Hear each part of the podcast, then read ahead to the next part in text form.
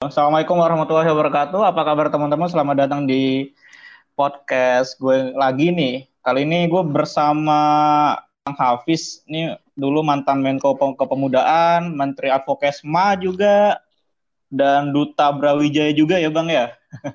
Apa kabar Bang Banyak Hafiz? bener. Sehat, Alhamdulillah. Hilang gimana Bang? Sehat, Alhamdulillah sih. Ya, gini lah Bang kan WFH nggak ke mana-mana. Gue tuh beberapa kali satu tahun lalu gue itu sempat mengalami KLC bang. Apa tuh? Quarter, oh, quarter life crisis ya yeah. jadi kan selama ini aneh kan benar-benar uh, agak idealis ya. Bukan idealis juga sih agak real, idealis realistis gitu. Gue mikir gitu. Selama ini gue ngebela anak-anak nih. Gue ngebela yang nggak benar dan lain sebagainya terus ditempalah dengan teman-teman yang mereka bukan dari golongan aktivis nih ya. Lu kalau kalau kalau udah kerja nggak bisa tuh begitu gitu kan. Akhirnya gue mikir tuh setahun setahun. Benar makanya gue ngebucin ngapain. Pokoknya gue kuliah itu nggak jelas deh setahun itu pas jadi BPH serius. Karena bingung kan. Serius. Eh? akhirnya setelah menemukan jawabannya adalah jawabannya gue mau ke mana gitu. Cuman ya ini juga sih uh, akhirnya juga juga ber, berjibaku dengan diri sendiri juga karena lingkungan gue apalagi gue di situ Bondo ya bang ya. Kalau di keluarga hmm. gue tuh bahkan seorang aktivis itu malah di nomor sekian kan gitu di pojokan kalau udah kumpul keluarga kayak gitu. Kenapa tuh bisa begitu? Kurang tahu. Mungkin karena ini sih karena uh, konotasi uh, inter apa konotasi dari aktivis itu orang yang barbar ya terus nggak peduli sama kuliahnya dan lain sebagainya gitu kan. Gue dulu pertama masuk bem gila bokap gue tuh langsung udah kamu jangan masuk bem beman belajar yang bener. Udah gue maksa tuh. Bahkan kemarin jadi wapres tuh ya. Jadi bebas sama wapres aja izinnya belakangan gue nah, iya sebenarnya itu yang menjadi apa ya? Yang menjadi pokok yang harus dibahas sih sebenarnya. Bang Hafiz yang udah kan udah kerja sih. Sebenarnya menurut Bang Hafiz rugi nggak sih jadi seorang aktivis yang idealis gitu? Ya ini sebenarnya masalah yang ya hampir semua orang kayak gitu sih lang. Jadi memang udah beda generasi ya, orang-orang tua kita itu udah beda generasi. Gitu. Jadi sebenarnya asal mulanya ya kalau gua ngelihat secara pengalaman dan ngobrol juga sama senior, emang uh, orang tua kita itu ada di generasi yang dulu ya, kita kan masuk generasi milenial nih. Jadi dulu emang stigma aktivis itu ya ya kayak gitu tadi, yang bilang yang bilang-bilang tadi gitu. Artinya memang mereka uh, yang kuliahnya juga ya hanya pas-pasan gitu ya. Tapi kalau udah ngomongin masalah kegiatan di lapangan, organisasi dan seterusnya mereka sangat menjiwai gitu. Bahkan emang nyata apa adanya ya kuliah tujuh tahun gitu ya kuliah enam tahun ya sampai ada statement kalau nggak tujuh tahun bukan aktivis gitu. Ya itu itu emang masih stigma itu masih ada sampai sekarang. Nah cuman uh, hal kayak gitu ternyata berevolusi itu di sekarang ini nih. Nah tadi kan pertanyaannya rugi nggak sih sebenarnya gitu ya? Kalau misalkan ditanyanya ke uh, ah, gue yang generasi sekarang ini ya gue bilang jelas nggak rugi gitu. Malah itu adalah sebuah blessing gitu ya, sebuah bentuk syukur sebenarnya. Karena dengan cara kita mensyukuri sebagai mahasiswa itu dengan menjadi seorang aktivis. Ya iya dong, coba aja. Kita kuliah sekali seumur hidup nggak sih? S1 ya kalau mungkin bilang mau dua kali tiga kali oke oke aja gitu S1 itu yang pertama. Tapi ini kan cuma sekali seumur hidup. Terus yang kedua uh, aktivis itu nggak bisa semua kampus ada ruang aktivisnya gitu ya bisa jadi kayak misalnya kelas karyawan gitu. Bisa misalnya seorang pekerja karyawan dia jadi aktivis dan seterusnya. Mungkin bisa tapi peluangnya kecil banget. Dan bisa jadi kalau dipaksakan juga nggak terlalu seru. Kayak kampus-kampus yang uh, umumnya gitu. Tapi kan alhamdulillahnya memang kita ada di suatu kampus yang memang ruang aktivis itu sangat dinamis dan sangat berkembang ya. Jadi di situ emang sebenarnya yang membuat kita akhirnya uh, banyak banget dapat belajar gitu ya, dapat insight baru dan juga dapat ilmu baru gitu. Jadi sebenarnya aktivis itu bukan pencapaian ya, nggak bisa dibilang pencapaian. Aktivis itu adalah uh, proses belajar. Jadi kadang nggak relevan juga ketika ditanya, emang lu jadi aktivis terus hasilnya apa? Nggak kayak gitu juga pertanyaannya. Karena itu bukanlah kompetisi, aktivis itu bukanlah perlombaan dan aktivis itu juga bukanlah posisi gitu. Tapi aktivis itu memang untuk mereka disematkan gelar tersebut karena memang mereka orangnya aktif. Di saat orang-orang rebahan gitu ya mereka aktif di lapangan. Di saat orang-orang lagi ngegame di rumah mungkin lagi belajar atau mungkin lagi ya leye-leye mereka semua tetap aktif di lapangan. Ya itu kerasa bahkan Sabtu Minggu itu udah biasa banget kan event demo dan lain-lain gitu. Pokoknya selalu ada kegiatan lah. Nah itulah makanya kenapa disebut aktivis karena terlalu aktif dibanding dengan uh, pasifis gitu ya. Orang yang memang cenderung pasif gitu. Gitu. Jadi memang nggak ada rugi-ruginya lang. Dan memang itu bukan pencapaian. Jadi nggak bisa juga ditanya hasilnya apa. Hasilnya itu nanti akan dipetik tuh. Uh, saat memang kita udah kelar di ruang belajar ini. Uh, ruang kampus ini. Nah, jadi kayak gitu. Iya sih sih. Bener, bener juga sih setuju. Soalnya ya bahkan ada ada beberapa kalimat orang yang netting ya di keluarga gue ada nih bang bilang gini eh kamu yang bener aja kuliah gitu. Gak usah mikirin apa yang sekarang dilakuin sekarang yang penting nanti jadinya apa gitu. Wah ini salah besar perlu diluruskan. Soalnya kenapa gue dulu memutuskan untuk terjun gitu? Soalnya gue percaya gini bang. Apa yang kita lakuin sekarang tuh merupakan cerminan kita di masa depan ya enggak sih? Mm-hmm. kalau sekarang bermanfaat otomatis di masa depan juga bakal bermanfaat gitu. Soalnya orang nggak nggak jarang ya sangat jarang orang itu melihat uh, perjalanan seseorang hingga dia menjadi sukses. Yang kebanyakan dilihat itu suksesnya dulu. Gitu kan? Hmm. nah itu yang yang ini. Kemudian ada lagi nih per, uh, apa namanya sesuatu yang biasanya nyindirnya banget banget sih nyindirnya. Kamu nanti kamu sekarang melakukan ke kebenaran nih itu hal biasa bagi mahasiswa gitu protes dan lain sebagainya. Misalkan kita kita demo tuh begitu ini juga menjadi suatu pertanyaan loh kalau udah kerja kita bakal gini nggak? Itu.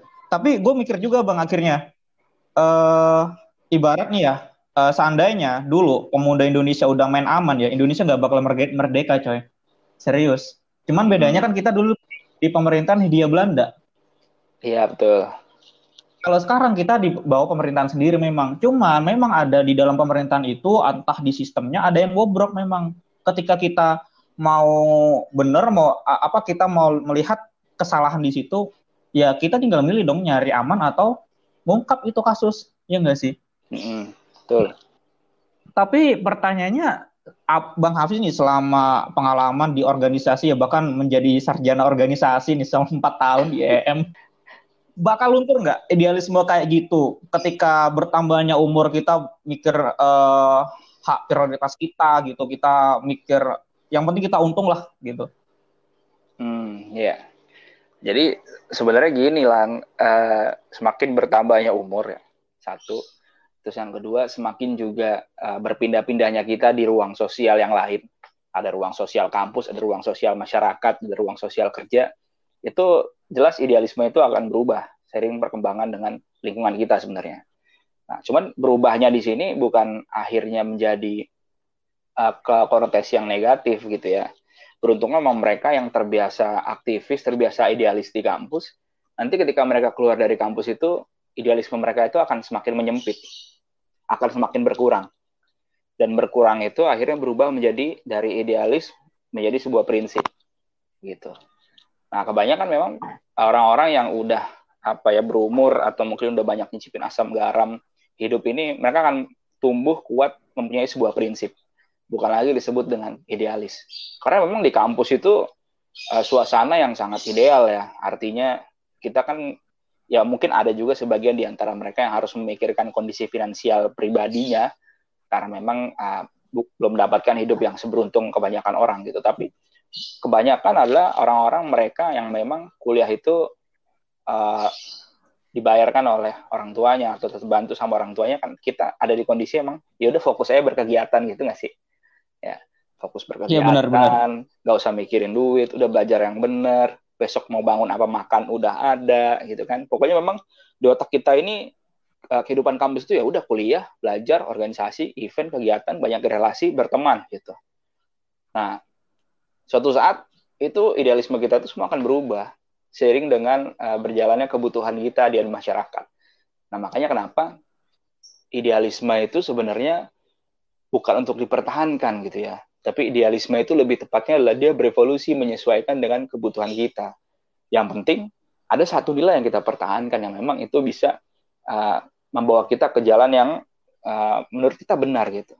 Kalau kemarin gue belajar di Bakti Nusa ya, ada memang uh, empat value yang harus kita pertahankan sebagai seorang aktivis sebenarnya. Value yang pertama adalah integritas. Gitu ya. Jadi integritas ini adalah tentang uh, kita itu menjadi seorang yang benar-benar layaknya standar manusia lah, jujur, nggak sombong, baik akhlaknya, gitu ya. Pokoknya benar-benar menjaga kualitas diri kita agar tidak melenceng, gitu ya, atau meminimalisir. Kemudian yang kedua setelah integritas itu adalah cendekia. Nah, yang cendekia itu artinya uh, kita menjadi seseorang yang intelek gitu. Kita menjadi seseorang yang punya ilmu ya karena aktivis itu erat kaitannya dengan kampus. Orang-orang yang selesai dengan dunia aktivisnya ya dia akan mendapatkan gelar sarjana ataupun semacam gelar atas kampusnya itu. Dan itu artinya menandakan bahwa dia adalah orang yang uh, intelek, akademik gitu ya. Maka cendekia adalah uh, value yang kedua. Kemudian yang ketiga adalah transformatif. Transformatif itu artinya orang yang selalu bertransformasi, selalu memiliki perkembangan di mana pun dia dia selalu memperhatikan pencapaiannya selalu berusaha untuk uh, melihat perkembangan apa hari ini dan ke depan. Dan yang terakhir adalah melayani. Nah melayani di sini artinya kita selalu menjadi orang yang terbuka tangan mau uh, tangan di atas gitu ya. Dan selalu ketika melihat sosial itu bawaannya ingin membantu dan menolong dan ingin melayani. Seperti itu. Jadi akhirnya idealisme itu lama-lama mengerucut ya. Dan dia nggak nggak jadi lebar dulu yang mungkin akhirnya kita terbiasa berkegiatan tanpa memikirkan finansial dan semacamnya setelah lulus gitu ya. Kalau ditanya uh, gue sih merasa udah cukup gitu. Dengan dunia mahasiswa yang kayak gitu tuh udah udah cukup gitu. Kayaknya nggak perlu extend waktu sampai tujuh tahun lagi. Nah ini adalah ini adalah perbedaannya nih sebenarnya yang yang gue amati dan gue juga ngobrol sama apa namanya senior senior yang di tahun-tahun angkatan 2000-an itu mereka bilang kalau memang dunia mahasiswa sekarang itu lebih akselerasi. Artinya ketika emang udah empat tahun, ya maka udah selesai gitu. Mungkin lanjutnya dia nggak di kampus lagi, bisa jadi di luar kampus, baik dengan komunitasnya atau organisasi lainnya di luar kampus itu. Beda sama yang dulu ya. Kenapa yang dulu tuh sampai tujuh tahun? Jadi memang hype-nya itu orang sampai tujuh tahun tuh benar-benar punya kegiatan dalam kontestasi politik di kampus itu benar-benar memang senior-senior itu turun. Bahkan sampai udah enam tahun perjalanan kuliah, mereka masih menemukan keseruannya itu berada dalam kampus. Ketika dengar cerita senior itu, uh, rasanya seru banget. Sampai enam tahun, bayangin di kampus sudah enam tahun, tapi masih tetap terjun gitu untuk ya kontestasi, untuk pemilihan dan seterusnya gitu ya. Tapi semakin ke sini, semakin ke sini, semakin ke sini, ternyata itu berubah gitu. Dan itu menurut gua nggak relevan lagi untuk diterapkan dengan kondisi tujuh tahun lagi contoh simpelnya adalah zaman dulu nggak ada UKT kan ya. Kalau ditanya mungkin iya, benar, bayarannya senior-senior yang dulu itu murah gitu. Satu juta atau mungkin berapa. Ya walaupun bisa kita klaim ya dulu kan value uang itu gede gitu ya. 2000 dulu sama 2000 sekarang kan beda. Oke lah tapi terlepas dari itu kita bisa bilang itu murah. Sebab kalau emang itu mahal mungkin aktivis itu adalah orang-orang yang kaya bisa jadi gitu. Ya kan? Tapi dibandingkan dengan UKT hari ini ya ada orang bisa dibayangkan misalnya bayar UKT 8 juta gitu ya terus harus dipertahankan sampai 7 tahun. Ya itu menjadi bahasan yang berbeda lah. Nah makanya kenapa?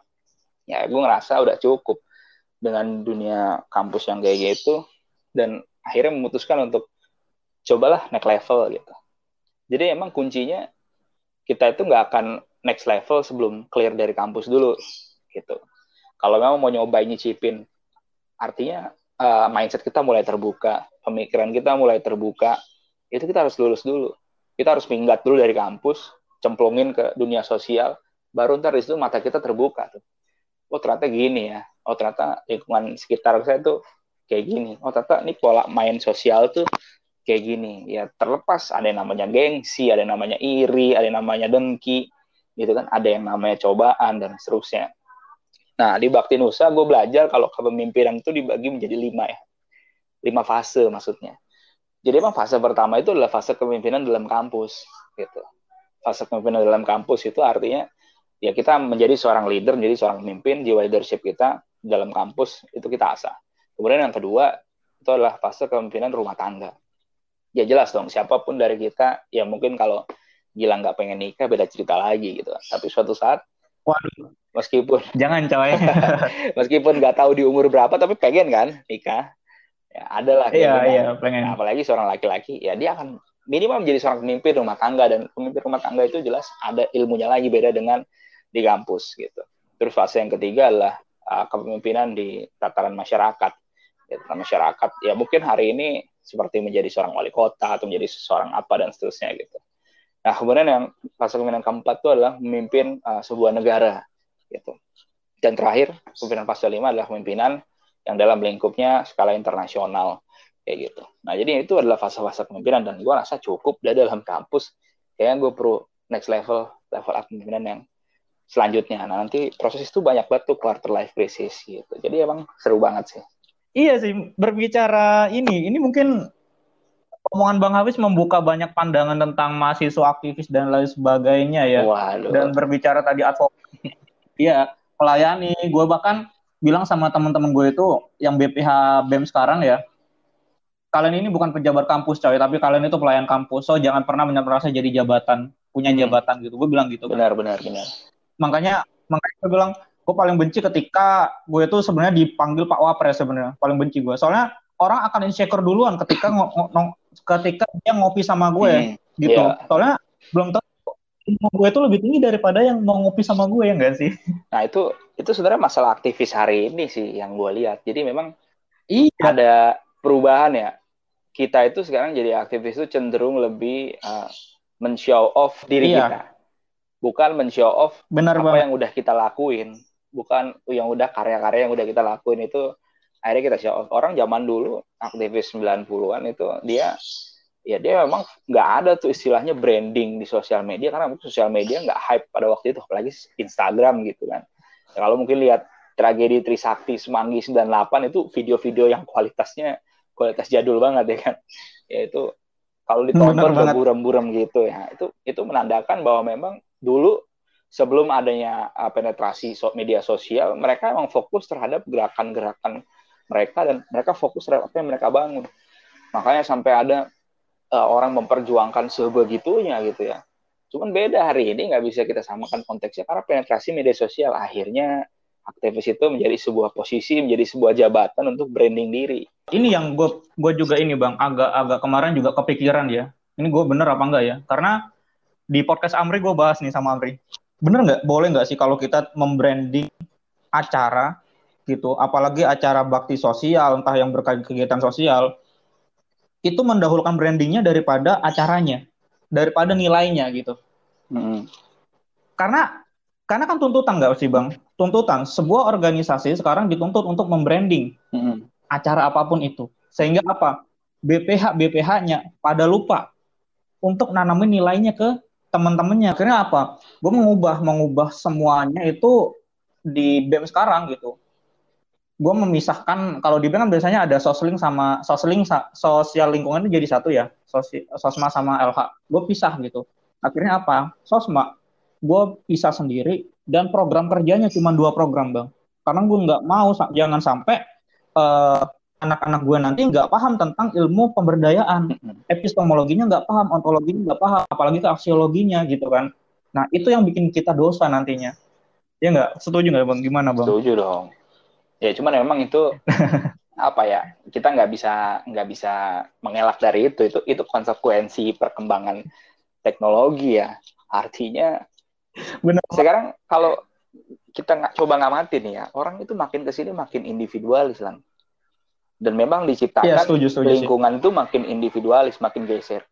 Ya orang makin geser ke kota nih ya lu akan melihat kalau memang orang-orang itu semakin individualis apa ya definisi gotong royong itu udah semakin apa berkurang gitu. Akhirnya gotong royong itu bukan berkurang sih. Kalau gue ngeliatnya gotong royong itu akhirnya berevolusi menjadi gerakan kampanye media sosial ya dengan cara nge-share dan seterusnya itu adalah gotong royong ya. Tapi untuk action sendiri itu udah kurang. Nah akhirnya nggak menutup kemungkinan juga karena perkembangan teknologi itu, ya kita kita jadi dituntut untuk branding. Karena kenapa? Sekarang orang itu lebih percaya media sosial dibanding dengan omongan mulut, iya, mulut ke mulut Zaman dulu media sosial itu nggak ada orang percaya atas dasar omongan orang lain. Eh, ini kampus ini bagus ya. Kata siapa ini? Kata tetangga saya nih tongkrongan ibu-ibu yang ada di sini bagus nih. Akhirnya dia sekolahin anak dia di situ. Ya sekarang nggak usah hal kayak gitu. Mungkin kampus kita sendiri udah punya media sosial dengan follower yang cukup banyak. Banyak juga postingan di sana memang digunakan untuk membranding kampus itu supaya orang tertarik ke sana. Nah hal ini akhirnya diserap ke dalam dunia mahasiswa juga. Kenapa? Butuh media sosial yang bagus kalau punya BEM kalau punya gerakan supaya itu menarik minat supaya akhirnya mengubah stigma supaya menjaga citra gitu. Jadi emang ya benar. ya itu suatu hal yang wajar lah suatu hal yang wajar adanya perkembangan kayak gitu tinggal gimana kita bisa nyesuaiin dengan perkembangan itu dan itu nggak salah. Kita nggak bisa juga menolak eh nggak bisa nih berubah. Nggak bisa juga.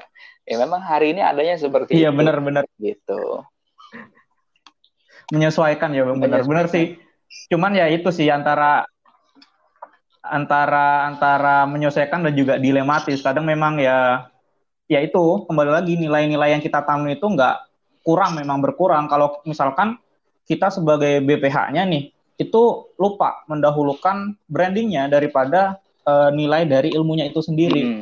Nah gitu sih kalau gue sih. Benar. Tapi ya berbicara tadi masalah prinsip dan juga idealisme ya, apakah aktivis-aktivis dulu nih menurut Bang Hafiz kayak Fahri Hamzah terus apa dan dan lain sebagainya gitu ya. Hmm. aktivis-aktivis 98 Anas, Anas Urbaningrum dan lain sebagainya. Uh, apakah mereka sekarang berubah dari idealis menjadi prinsip? Soalnya gue, gue gini bang. Dulu RUKUHP itu gede banget ya demonya ya. Hmm. gede banget. Terus setelah itu viral Fahri Hamzah diundang lah ke hitam eh hitam putih podcastnya, podcastnya Deddy nggak salah. Mm -hmm. ya. Nah, okay. dari situ pandangan gue kebuka loh. Fahri Hamzah bilang gini, di KPK bisa aja nih ada money politik juga di situ. Kalau misalnya KPK yang tidak diawasi, bakal kebar hukum juga. Tapi dari pandangan mahasiswa adalah ini dari KPK waktu itu. Di situ gue juga bingung bang, ini bener nggak sih gitu? Ini salah satu contoh Fahri Hamzah apakah salah satu seorang yang awalnya idealis menjadi pragmatis atau idealis menjadi orang yang punya prinsip gitu. Ya ya sebenarnya bisa jadi ya. Bisa jadi karena memang kita nggak pernah tahu uh, tujuan dan maksud seseorang itu seperti apa kayak gitu. Apalagi hari ini mungkin ya ketika kita punya suatu gagasan atau punya suatu ide untuk menggebrak sesuatu kita butuh dukungan uh, masyarakat online gitu ya. Dan hari itu apa yang ditangkap sama mahasiswa dan Fahri Hamzah itu mungkin komunikasinya nggak nyampe. Akhirnya terjadilah perbedaan pendapat gitu ya. Cuman memang di luar dari itu masalah itu prinsip apa enggak, ya bisa jadi itu adalah sebuah prinsip dia. Gitu. Bahwa apa yang dia lihat hari ini sebagai seorang DPR, melihat KPK dengan keilmuannya dia, ya dia melihat jadinya adalah seperti itu. Bahwa KPK akan kebal dan semacamnya. Tapi dengan dunia kemahasiswaan kita, kita mempunyai perspektif yang berbeda lagi gitu. Nah itu itu sebenarnya menjadi perdebatan ya. Artinya ya kita juga nggak bisa memperdebatkan niat seseorang. Yang jelas kalau itu memang adalah adalah prinsipnya atau niatnya Hamzah ya maka apa yang dia sampaikan ya itulah kata-katanya dia. Nggak bisa kemudian kita sampai dia udah sampaikan terus kita memultitafsirkan omongan dia ya kan. Memang sumbernya adalah dia. Kalau misalkan dia yang ngomong kita nggak bisa percaya kita mau percaya siapa lagi? Kan dia itu omongan dia sendiri kayak gitu lah. Jadi memang bisa jadi ya kalau menurut gue itu bisa jadi adalah sebuah prinsip yang sampai hari ini dipertahankan. Karena memang unik sih, aktivis-aktivis 98 itu mereka semua unik ya. Uniknya adalah uh, kalau menurut gue ada komunikasi yang berbeda antara aktivis dulu dengan aktivis yang sekarang gitu. Karena memang dihadapkan dengan persoalan-persoalan dan juga lingkungan yang berbeda. Akhirnya sering kali kita itu sebagai aktivis yang hari ini melihat aktivis yang dulu itu kayaknya kok beda cara gitu ada apa ya wujud yang nggak bisa kita terjemahin lah. Ada bentuk aksi yang nggak bisa kita terjemahin karena emang udah generasinya beda. Dan mengkomunikasikan itu yang agak susah gitu. Benar sih setuju. Memang uh, benang merahnya di komunikasi kayaknya. Soalnya memang gue sama juga sih bang. Apa namanya uh, ya kembali lagi ya keluarga gue ketika gue kumpul dan lain sebagainya itu loh Fahri Hamzah, terus Budiman Sujatmiko bahkan pernah di penjara gitu. Sekarang adem ayem. bukan masalah adem ayem coy cuman gue balasnya gini sih ya yang membedakan lu sama mereka sih mereka ketika waktu muda kontribusinya buat bangsa gede sementara lu nggak ada apa-apanya gitu kan sampai sekarang gue gitu hmm. tapi gue yakin mereka punya kontribusi sampai sekarang cuman kita nggak tahu gitu sih kita nggak iya, nggak tahu. Hmm, kita nggak tahu apa yang mereka lakuin sampai sekarang. Bahkan Budiman Sujatmiko pun punya website yang dia bisa nentuin ideologi, ideologi politik kita arahnya ke mana. Itu mencegah. Itu salah satu mencegah terorisme sih buat gue sih. Mencegah paham-paham yang nggak jelas gitu. Itu sih uh, menurut gue kayak gitu sih. Cuman orang yang nggak paham ya entah itu kurang literasi atau gimana gue nggak tahu.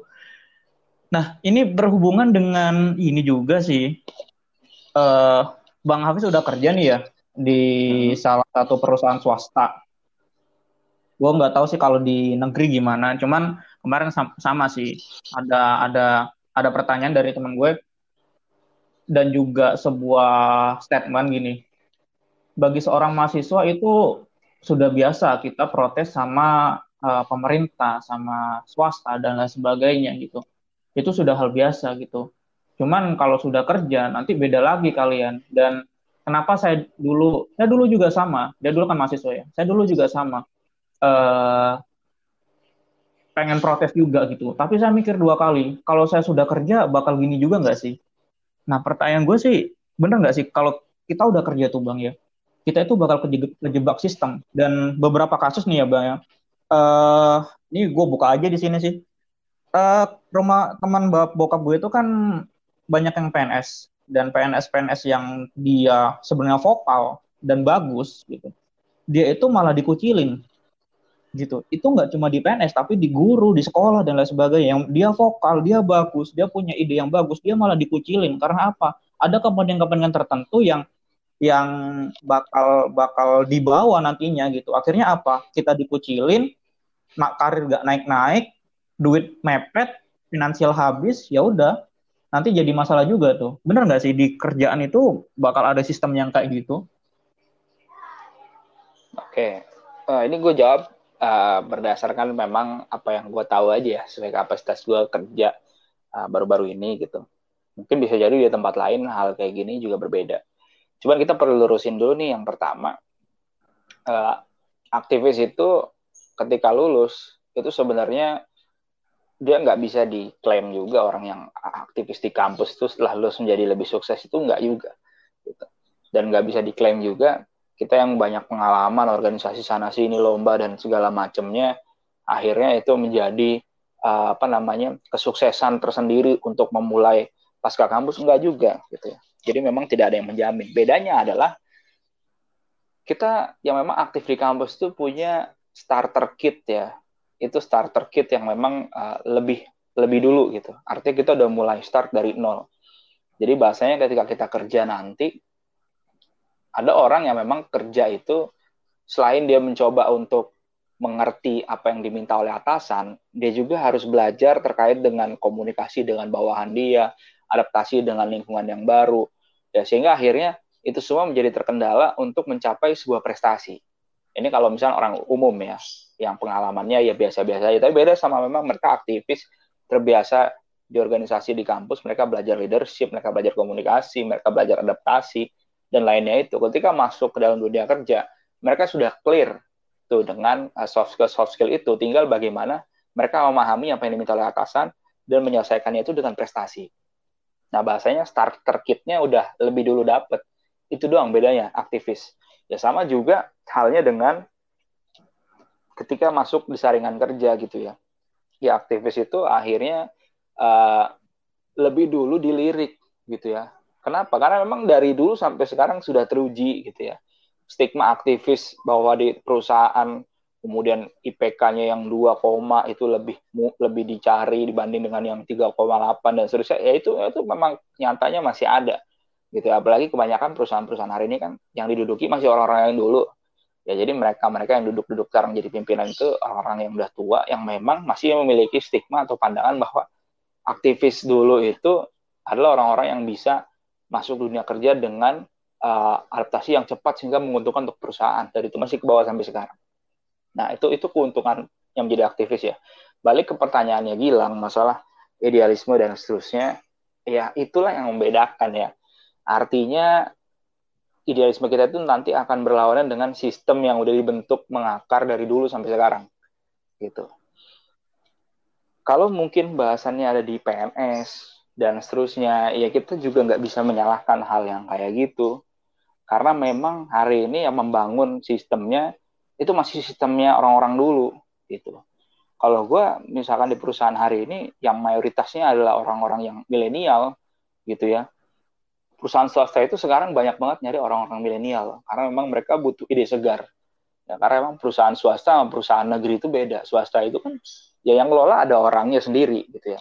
Kalau negeri ini kadang seperti BUMN terus kemudian seperti apalagi PNS gitu ya yang digajinya dengan menggunakan APBN ya sehingga nggak nggak kerasa pimpinan itu nggak merasa bahwa dia rugi. Karena kan yang rugi adalah negara beda dengan swasta kalau kepemilikan di swasta ya ketika perusahaan rugi maka ya si satu orang ini yang rugi. Nah akhirnya mereka mencoba untuk menarik generasi milenial. Dan kebanyakan memang milenial kita hari ini ya kayak gitu gitu. Kritis gitu ya apalagi memang yang terbiasa aktif di kampus kita terbiasa objektif gitu. Jadi ketika diminta untuk melakukan sesuatu kita sering kali suka nanya dulu ini buat apa ya pak? Gitu. Kenapa kok ini kayak gini? Kenapa nggak? Kemudian kita coba nih yang lebih efektifnya nih kayak gini gitu. Jadi kita terbiasa dengan objektivitas. Ya akhirnya terbangunlah sebuah budaya yang bagus. Nah itu hari ini yang kalau misalkan uh, di lingkungan kerja yang memang banyak milenialnya, maka hal seperti itu adalah hal yang wajar dan atasan pun juga pasti akan mengerti kalau memang oh generasi milenial hari ini adalah generasi yang seperti itu. Dia memang kritis, menyumbang ide dan seterusnya. Nah beda kalau kemudian di perusahaan negeri ya, perusahaan negeri hari ini kan sistemnya masih dibangun oleh orang-orang yang dulu.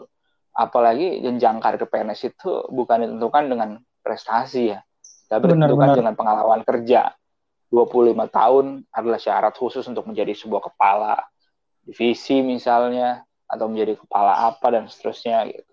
Cuman kalau di perusahaan swasta ya ada jenjang karir itu based on uh, your prestation gitu artinya apa sih pencapaian kamu, apa yang udah kontribusi yang udah dilakukan hari ini, mereka dia akan punya jenjang karir yang cepat, gitu. Jadi emang kedua hal itu adalah dua hal yang berbeda lah. Nah, masalah idealismenya itu tadi pada akhirnya idealisme itu akan menyesuaikan karena di setiap gini, setiap kita semakin tua dan semakin kita punya tanggung jawab gitu ya, apalagi punya tanggungan berupa anak sama istri, akhirnya idealisme itu lama kelamaan uh, kita lebih selektif dalam memilih gitu ya. Ya sekarang kalau kemudian orang mau vokal dan seterusnya mereka akan ditutupi, akan disumpel mulutnya gitu ya biar diem ketika udah diancam keluarganya gitu. Bahasanya ya daripada kemudian saya membela habis-habisan seperti akhirnya mempertaruhkan anak dan istri misalnya, ya udah baik saya diem. Nah banyak juga hal-hal yang yang semacam itu terjadi. Makanya sekarang menyuarakan idealisme menurut gua uh, susah kalau misalkan di dalam pemerintahan yang sistemnya masih orang-orang dulu.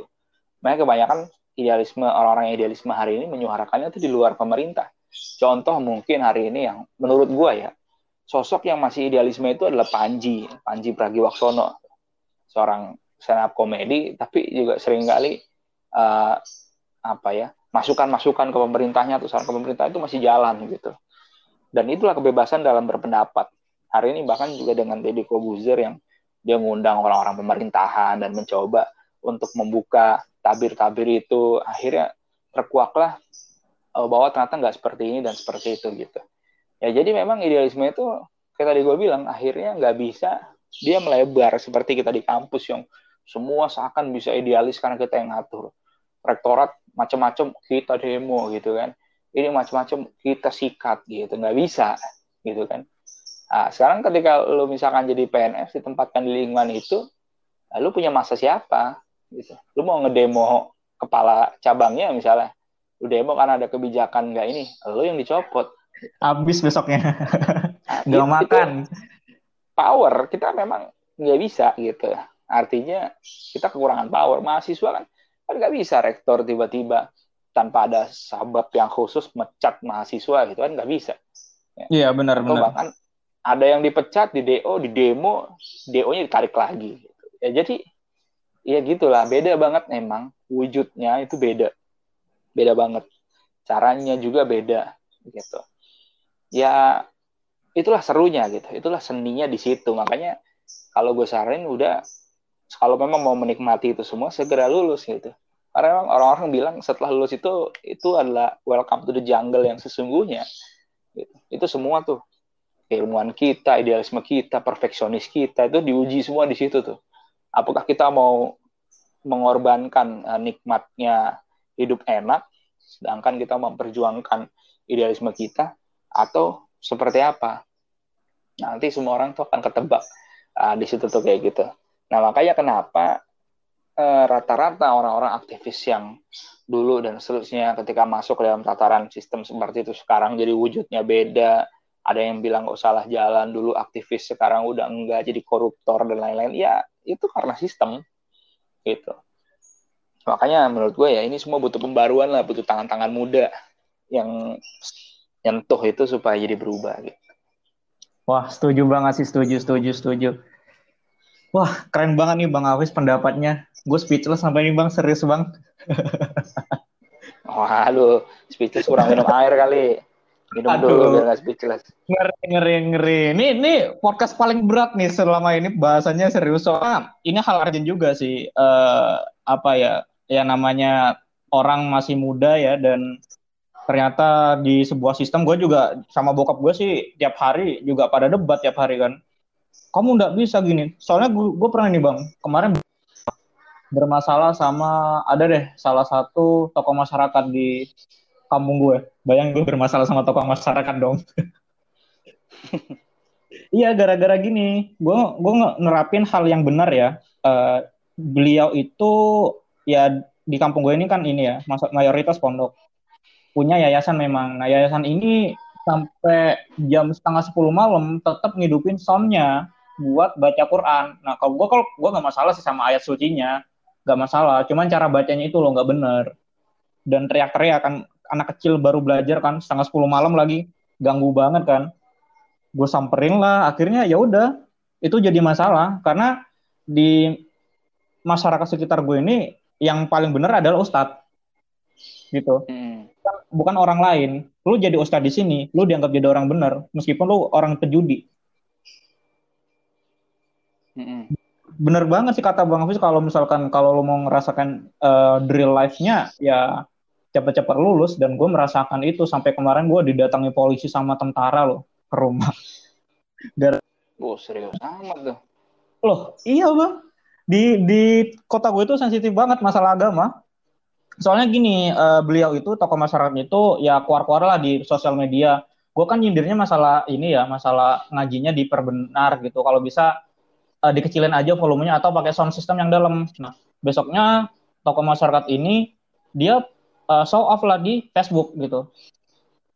Uh, kalau nggak salah tulisannya gini sih. Hmm, tadi malam ada seorang pemuda yang berilmu gitu datang ke rumah saya subuh-subuh dan menyuruh saya untuk menghentikan adan subuh. Gila nggak tuh? Gue dituduh untuk ngehentiin ad adan subuh loh, serius. Itu langsung rame tuh. Gue langsung dipanggil waktu itu, serius dipanggil sama keluarga gue. Ini yang bener gimana masalahnya? Waduh, ini salah paham udah nih. Nah itu, kalau di kota gue tuh masalah agama sensitif bahkan ada pembakaran gereja tahun 96 ada belasan gereja dibakar itu gara-gara isu agama doang bang. Hmm. gitu sih. Itu yang terjadi. Wah ini masyarakat ternyata lebih lebih lebih lebih lebih keren ya ternyata ya ilmunya daripada kita. Makanya gue kan kadang sama aktivis sekarang bilang lu kurang literasi deh tapi banyakin ngopi sama masyarakat. Itu lebih punya ilmu daripada lu cuman berdialek dengan literasi lu sendiri. Kayak gitu sih. Hmm. seru seru ya, itu, seru.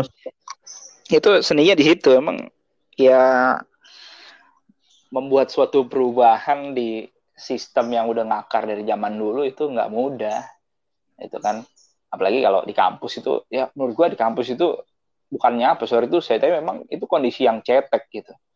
Dibandingkan iya, ada apa, apa yang terjadi sebenarnya di luar itu jauh banget itu makanya ya di kampus tuh makanya tadi Bakti Nusa bilang itu adalah fase pemikiran yang pertama doang. Itu untuk mempersiapkan menjadi seorang pemimpin itu udah itu mempersiapkan doang gitu. Nanti di masyarakat itu kompleks dan variabelnya lebih banyak ya apalagi masuk ke ranah pedesaan dan semacam itu itu akan lebih susah lagi. Banyak juga kok akhirnya yang dulunya aktivis di kampus setelah tujuan masyarakat dia gagal membangun keluarga juga di akhirnya gagal nggak bisa survive dan seterusnya. Itu juga banyak dan itu memang nyata gitu. Ya, jadi memang nggak ada jaminan juga sebenarnya uh, aktivis itu akan sukses tadi yang gue bilang. Semua itu punya seni dan semua itu punya apa ya uh, tujuannya masing-masing. Dan bagaimana kita bisa menjadi seorang yang uh, your best version gitulah bahasanya. Nah. versi terbaik dari kita untuk menghadapi itu semua gitu. Bener banget gue setuju gue setuju sih so ini terakhir nih what we should to do sebenarnya. Gue masih hmm. muda gue masih kuliah gitu. Dan ya perjalanannya masih panjang banget gitu. Ini buat buat teman-teman gue juga nih yang yang pendengar setia podcast gue nih. What we should to do. Menurut bang Hafiz sebagai hmm. orang yang kita aktif di kampus terus oke okay, IP kita aman dan lain sebagainya. Tapi ya we don't know apa yang akan terjadi depan gitu oke. Okay. uh, kalau gue seperti biasa menyarankan hal ini kepada teman-teman yang lain gitu ya. Apa sih yang harus kita lakukan di saat kita masih muda kayak gini? Satu kita eksplorasi. Banyakin eksplorasi banyakin nyicip hal baru. Uh, jangan pernah membatasi diri selalu untuk cari hal-hal serius di luar sana yang membuat kita poinnya adalah berkembang. Itu terus yang kedua balance nah ini ini balancing ini seni ya.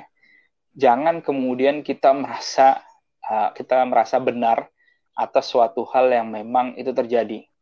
Contoh gue merasa lebih benar berorganisasi lebih benar buat jadi aktivis dibanding dengan mengerjakan tugas-tugas kuliah.